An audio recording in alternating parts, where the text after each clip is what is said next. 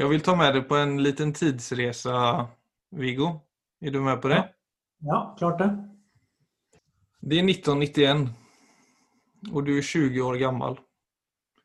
Du ska få ett inblick i en helt vanlig eftermiddag hösten 2020 och de flesta är på väg hem från jobb.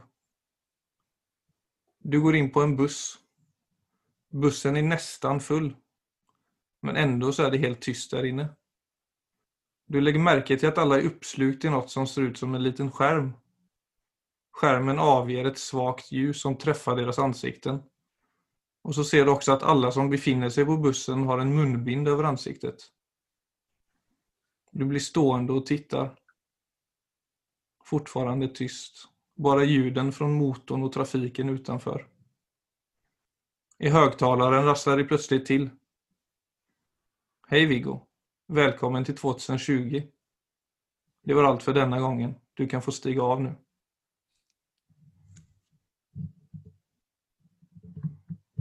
Hva tenker du? Ja, altså det første jeg tenkte, var at jeg ville tro det var i en skrekkfilm. Ja, det... Synen er jo brutal vil jeg tro. Spesielt når du ikke har noen som helst forankring i det som faktiskt er 2020. Ja, men det ville jo vært en eh, Altså, Én ting er jo de skjermene. ikke sant? Altså, Hvis det ikke hadde vært munnbind og bare vært at alle satt i hver sin skjerm, så ville det vært mer eh, Kanskje ikke en skrekkfilm, men mer en eh, Jeg ville tro det var en science fiction-film.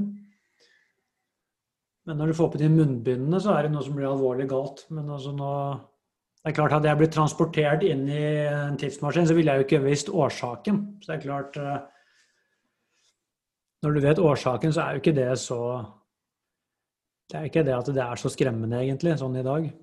Det er mer interessant egentlig med de skjermene. Det er det som er det virkelig interessante der, ikke munnbindene. Jo, men samtidig så er det jo altså det er jo en sånn hvis, hvis du går inn på en buss i dag og kommer liksom fra en person som verken kjenner til skjermer eller Alltså munbind, det assosierer du med at altså, hvis, en, hvis et helt samfunn går rundt med munbind så tenker du at det er et eller annet skikkelig galt der ute òg, vil jeg tro. Ja, det er klart det. Så det er noe med at den synen er jo i min bok så hadde jeg jo tenkt at det er ju domedag. Alltså det er et eller annet som er skikkelig galt som, som uh, har, har her. här. Ja da, det, det men jo innehållet är ju inte så farlig. Men det er bare liksom den, den visuelle synen treffer jo det, vil jeg tro da, hvis jeg hadde kommet inn der og ikke hadde noen forankring i verken teknologi eller bare har sett liksom mennesker gå rundt uten munnbind hele tiden så hadde jo det vært sjokk. Ja. Men det, er men det sier jo Jeg tenker det som også er en uh, interessant refleksjon der, da, det er at eh, Du vet altså Hjernen vår, som jeg har snakket om mange ganger, så vil jo hjernen tolke alt som er ukjent, på verst mulig måte. Så Hvis du hadde transportert meg som 20-åring fra 1991 og inn i dag, så ville jeg jo sett den virkeligheten som noe skremmende. Men altså som Hvis jeg hadde gått på bussen i Oslo i dag, og alle hadde sittet med hver sin skjerm og munnbind, så ville jeg vært helt rolig og bare kjent at dette var jo en helt strålende dag, som alle andre dager. Vi er jo stort sett komfortable i vår samtid. Og det tenker jeg er en veldig, veldig fin ting. Mm. Det tror jeg er noe av grunnen til at eh, ja, Nå er jeg blitt 50, så nå er jo jeg snart der at jeg vil se på, på ungdommen, så vil jeg bare si å, huff og huff og huff, det var mye bedre før.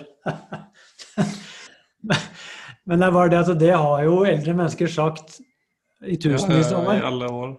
Ja. Ja. ja. og det er ju... Det, jag, jag är inget fan av den kommentaren trots att jag förstår, förstår den, inte, alltså, det instinktet som kan dyke opp. Ja, ikke sant? Og det er jo det at vi er veldig glad i vår egen virkelighet. Mm. Og det er jo Det er både en fin ting, og så er det samtidig en interessant ting å reflektere over for å se det at at også virkeligheten den er Mm. noe helt annet enn min virkelighet. Altså Vi har en tendens til å bli litt overkomfortable i vår egen virkelighet.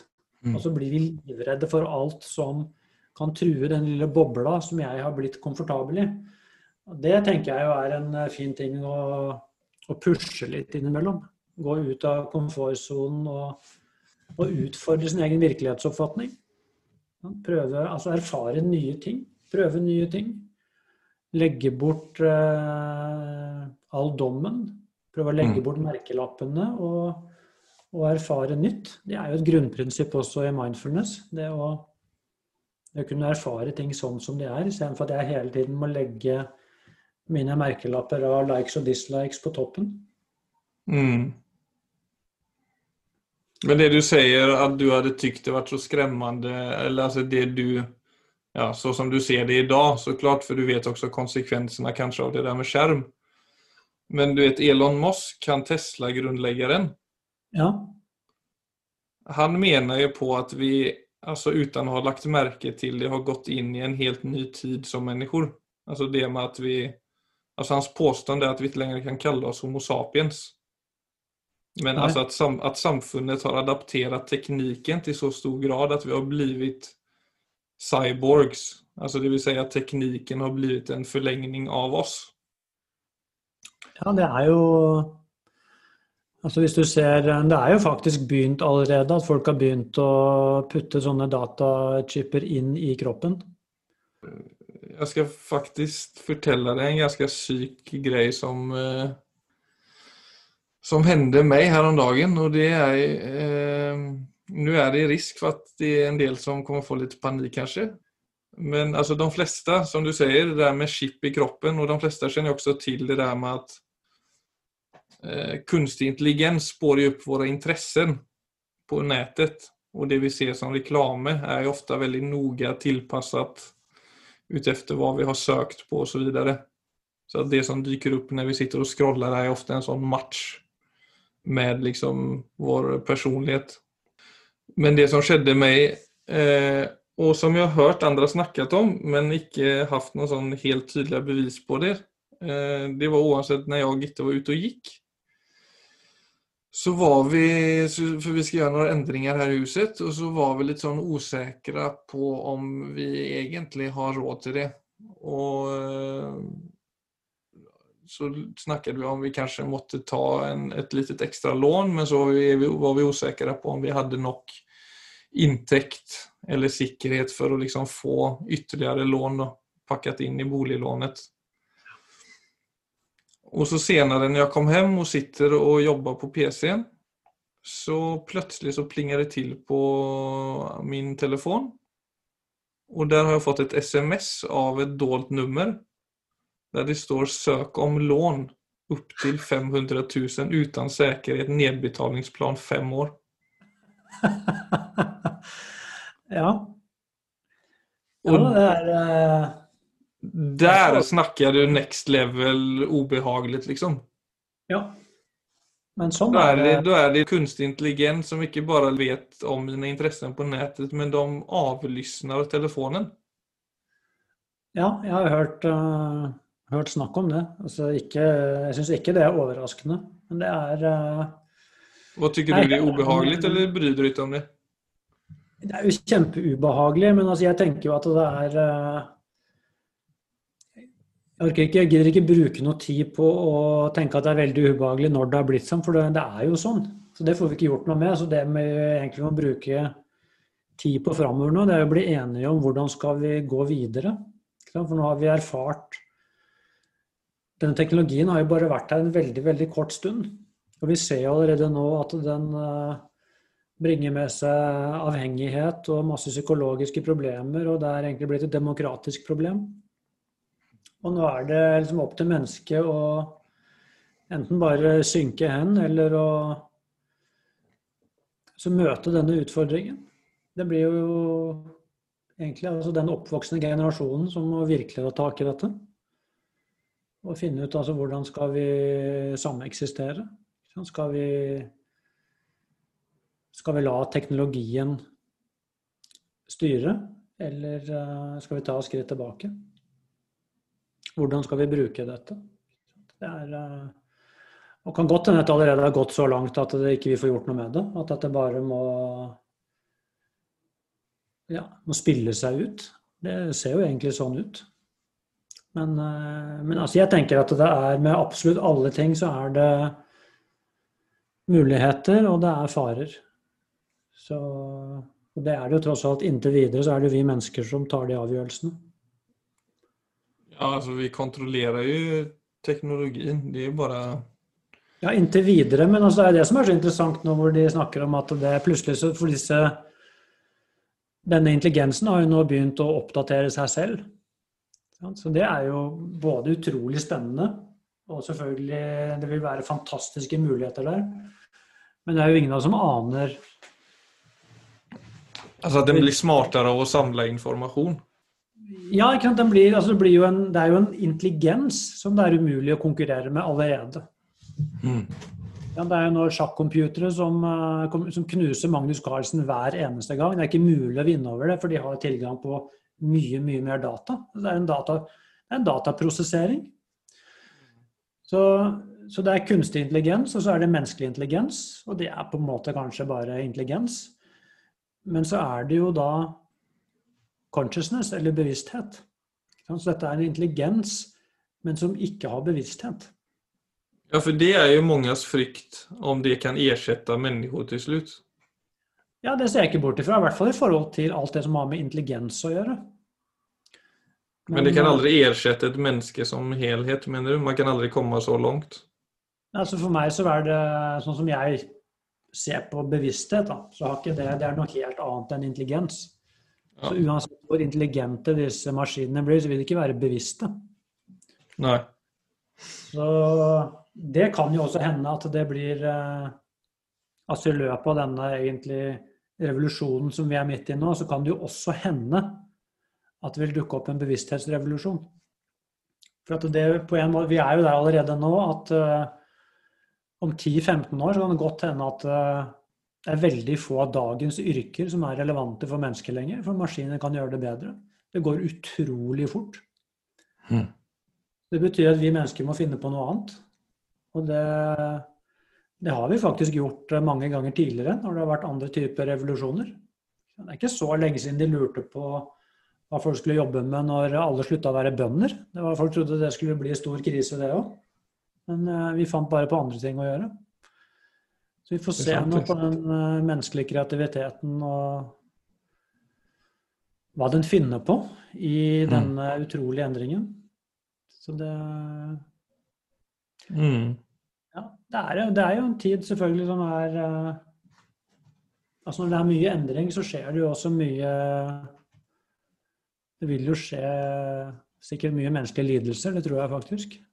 Men det vil også skje ikke så mange opplever at det er en sånn tid der det er veldig få sånne trygge holdpunkter. Altså, jeg, opplever at altså, Nå kan jeg jo bare liksom, Hvis jeg bare ser sånn litt tilbake i historien, så føler jeg liksom at det har vært en litt sånn tydeligere agenda i samfunnet. Mens i dag er det så veldig mye Det er fake news. Det er, liksom, det er så mye som hele tiden Det er sånn voldsom forandring. Det er liksom Du skaper, og så går ting i oppløsning. Så skaper altså Det er veldig lite som er på plass, og som er på en måte statisk. Så at alle blir levnet til seg selv i dag. Ja, det er akkurat det, og det tvinger jo fram endring. Og det er når, når vi mennesker For nå er jo egentlig På en måte så er jo hele menneskeheten i en skvis. Og da skjer det jo stort sett to ting. Noen blir livredde og søker seg da mot f.eks. Eh, altså autoritære ledere. Mens andre vil bli kreative. Så, så jeg syns det er spennende å se.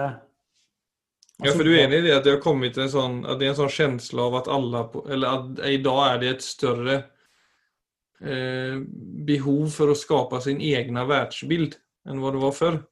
Ja, det, og, og det blir på en måte, du må også finne Hvor skal du finne trygghet hvis ikke du finner det i noe som er stabilt i verden? Da må du enten gå i frykt hele tiden, eller så må du finne den tryggheten i deg selv. Og jeg vet jo det, den virkelige tryggheten den finner du kun i deg selv. Så den er tilgjengelig. Mm. Så det kan godt hende det at det er uh, flere og flere som vil måtte søke den veien. For å finne noe som faktisk bærer Gjennom det støyet av uh, oro på, ja, og som endrer seg utrolig fort. Så det, er, uh, så det er noe med de altså sånn som jeg ser det i hvert fall, de evige verdiene de er fortsatt evige. De er like gyldige i dag som de var for 2000 år siden. Altså dette med altså nærhet, Mm. eh, autentisitet, vennskap, altså det å komme sammen. Alle de tingene de, de er like relevante som de alltid har vært. Så alt annet endrer seg, men de grunnleggende menneskelige verdiene, de, de består. Så det kan jo være kanskje en gyllen anledning til å finne tilbake til de tingene som faktisk bærer, når, eh, når alle andre ting er blitt usikre.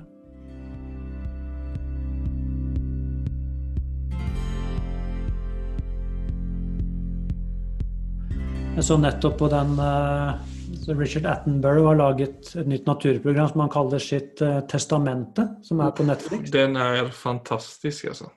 Ja, da ser du at den eh, Altså, vi eksisterer ikke alene. Så hvis vi skal altså bevare vårt eget eksistensgrunnlag, så er vi nødt til å ta vare på altså den øvrige naturen. Altså andre både, både skog og, og andre dyrearter. For at hvis de har det bra, så vil, vi ha det bra. Så, og det tror jeg blir Altså For 20 år siden så var det det var et tema som var litt i bakgrunnen. Mhm. Men nå er det blitt helt tydelig. Så nå er det ikke mulig å skyve det under teppet lenger. Så, så enten så, Nå går vi bare natur. fortsatt som nå, men, men det tror jeg ikke er så sannsynlig. For sånn, vi er nødt til å gjøre et eller annet. Og det det peker tilbake på, det er at vi må, vi må komme sammen. Vi må samarbeide. Vi må samarbeide om et større formål. Og det interessante er det at når vi mennesker kommer sammen og jobber for et større formål som, mm. som har betydning, så får vi også det bra. For det Mm. skaper, det skaper mening. Det betyr at det er bruk for meg. Så alt det som egentlig det største problemet i dag, det er at det er jo ensomhet, f.eks. Altså ensomhet, meningsløshet. Vi er fullstendig frakobla fra hverandre, fra naturen. Så, så kan si, hvor har denne teknologiske, dette teknologiske fremskrittet brakt oss som menneskehet? Det er ikke noe særlig lenger. Den har brakt oss inn i eh, egentlig en form for døs. Og så er det da Hva spiller det for rolle om det forlenger livet hvis vi ikke har det bra? Nei, det er meningsløst. Så, så jeg tror det blir eh, Jeg gleder meg til de neste 20 år og se hva vi mennesker kommer til å finne på sammen. Jeg tror det kommer til å bli en veldig interessant tid med Det var interessant å se hvordan naturen hadde vokst opp fra Eller i Tsjernobyl igjen, i den dokumentaren. Nettopp. Det gir så utrolig håp. Vi kan se hvor, hvor kjapt naturen responderer hvis den bare får et mulighetsrom. Alt vi trenger å gjøre, er å, å, å endre hvilke energikilder vi bruker, og endre forbruksmønster. Men altså, det er ikke noe sånn at vi trenger å altså det, Alt dette vil jo egentlig bare gi oss bedre liv. Så det er, eh, det er masse, masse lyspunkter. Det står bare ikke noe særlig om dem i avisene, for de, der står bare alt det som uh, vekker frykt, for det selger. Så det er også et ansvar i dag, det er å leite etter informasjonskilder som, uh, som går litt dypere. Så det, det ligger jo en del på individet i dag, vil jeg si. Men jeg tror det samspillet med naturen som du nevner er også så viktig, for det er også en sånn Altså naturen vil jo også alltid være mektigere enn oss. Altså vi vil Det ser vi jo virkelig i dag. Vi kan liksom misbruke naturen til en viss grad, men det er jo fortfarande, altså, ja, men Og naturen lider av det og vi lider av det. Men in the long run så går jo vi fortfarande mot Altså Hvis ikke vi på en måte som art behandler naturen bra, så kommer jo naturen seg ifrån. Og da er det oss det går utover, for naturen kommer jo å återhente seg uansett. Ja, det er helt riktig. Så det, noe, så det er ikke noe grunn til å være redd for naturen. Det vi burde tenke på, er hvordan vi selv skal overleve som art. Og da må vi ta vare på naturen. Så det er en veldig enkel, veldig enkel grei logikk. Og vi har stort sett også løsningen for hånd. Så det er vel Det er mer en sånn tror jeg, en kollektiv bevisstgjøring. At det er nok mennesker som kommer til den erkjennelsen, og så vil, vil det måtte endre seg. Men efter jeg hadde sett den dokumentären så fikk jeg bare en sånn intens trang. Jeg tror jeg til og med var inne på Facebook flere ganger for å sånn Skal jeg poste den, eller skal jeg ikke poste den? For jeg har blitt, jeg har blitt litt sånn restriktiv på Facebook i det siste, bare for at jeg, jeg har både fått motstand i visse ting jeg har skrevet, og jeg har bare sånn generell sånn Facebook- og Instagram-noia litt. Men uansett så var det bare at den dokumentären der det är nästan pinligt att jag ikke delade det med tanke på hur viktigt jag kände att alltså denna må bara alla se. Så aktuell er den. Ja, Vivian og jeg fikk akkurat samme respons. Jeg vet ikke om noen av oss gjorde det, faktisk, men vi tenkte, vi tenkte oss ja, dette må, dette må alle se. Dette må vi bare, må vi bare spre. Og jeg tenkte ja, den, at det som ja, ja, det, for den, er, den, den treffer deg veldig sånn Den er jo så veldig ærlig, men samtidig så lys. Altså, han, han gjør det geniale der som jeg tror vi alle er nødt til å legge vekt på. Altså, først så viser han jo hvor eh, altså Alle disse endringene, hvordan de har skjedd fra 60-tallet og fram til i dag, som jo er utrolig deprimerende og ganske skremmende. Og du ser når han kommer til i dag, så ser han jo du ser han, han stirrer bare helt sånn tomt ut i lufta og er bare utrolig lei seg. Mm. Men så går de videre derfra til å se det at Men det er jo ikke håpløst. Det er ennå mulighet til å snu dette. Og så snakker han da også om hva vi kan gjøre. Og det tror jeg er et utrolig viktig perspektiv. Det er hva kan jeg som enkeltperson bidra med inn i dette? Og det er jo, det er jo masse. Sånn at vi For at frykt det, altså Når vi blir redde, så blir vi handlingslamma. Det kan godt hende du blir livredd så får du lyst til å gjøre noe, men altså, du blir bare helt lamma. Altså, du aner ikke hva du skal gjøre. Men du, du begynner å skape noen du begynner å skape noen uh, positive sirkler. Mm. Og så begynner man å skape det i fellesskap. Så kan det plutselig skje, det kan skje store endringer fordi alle begynner å dra litt i samme retning. Så det Ja, for det er jo hvis man altså også hvis man skal återgå til tilstedeværelse, så er jo det Så som i den dokumentaren, da, så er det jo Som du sier, han skildrer jo sitt liv. Og samtidig så viser han veldig sånn åpent og ærlig hvordan det faktisk er.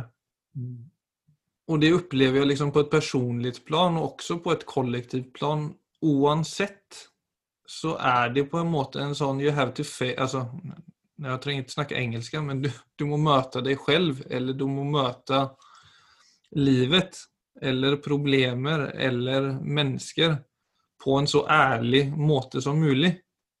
Ja. For å faktisk kunne bidra til forandring, altså både for deg selv eller for et samfunn. Ja. Og det var kanskje en sånn nerve i den dokumentæren som var så veldig sånn det var veldig ærlig og veldig vakkert på samme gang, som kanskje er livets miks på mange plan. Ja da. Altså, jeg har jo sagt i, i hvert fall de siste ti år at jeg tror hele denne Altså dette grønne skiftet, det forutsetter nesten et, eh, et bevissthetsskifte. Altså det henger uløselig sammen. Og der det kanskje møtes, er jo det at vi er blitt uh, vi er frakobla naturen. Så vi har mista kontakten med alle de Altså vi mista kontakten med elementene. Mista kontakten med, mm. med rytme, rytmene i naturen. Og bare, selvfølgelig bare det å Hvis du kommer ut i Og det er mørkt rundt deg, mm. så kikker du opp på himmelen, så ser du den massive stjernehimmelen over deg. Bare mm. det. Det gjør noe med deg med en gang. Og det er klart, når mange mennesker aldri ser stjernehimmelen fordi vi har så mye kunstig lys rundt oss mm. så, så, det er noe med å altså gjenopprette den kontakten, for at vi er tross alt natur.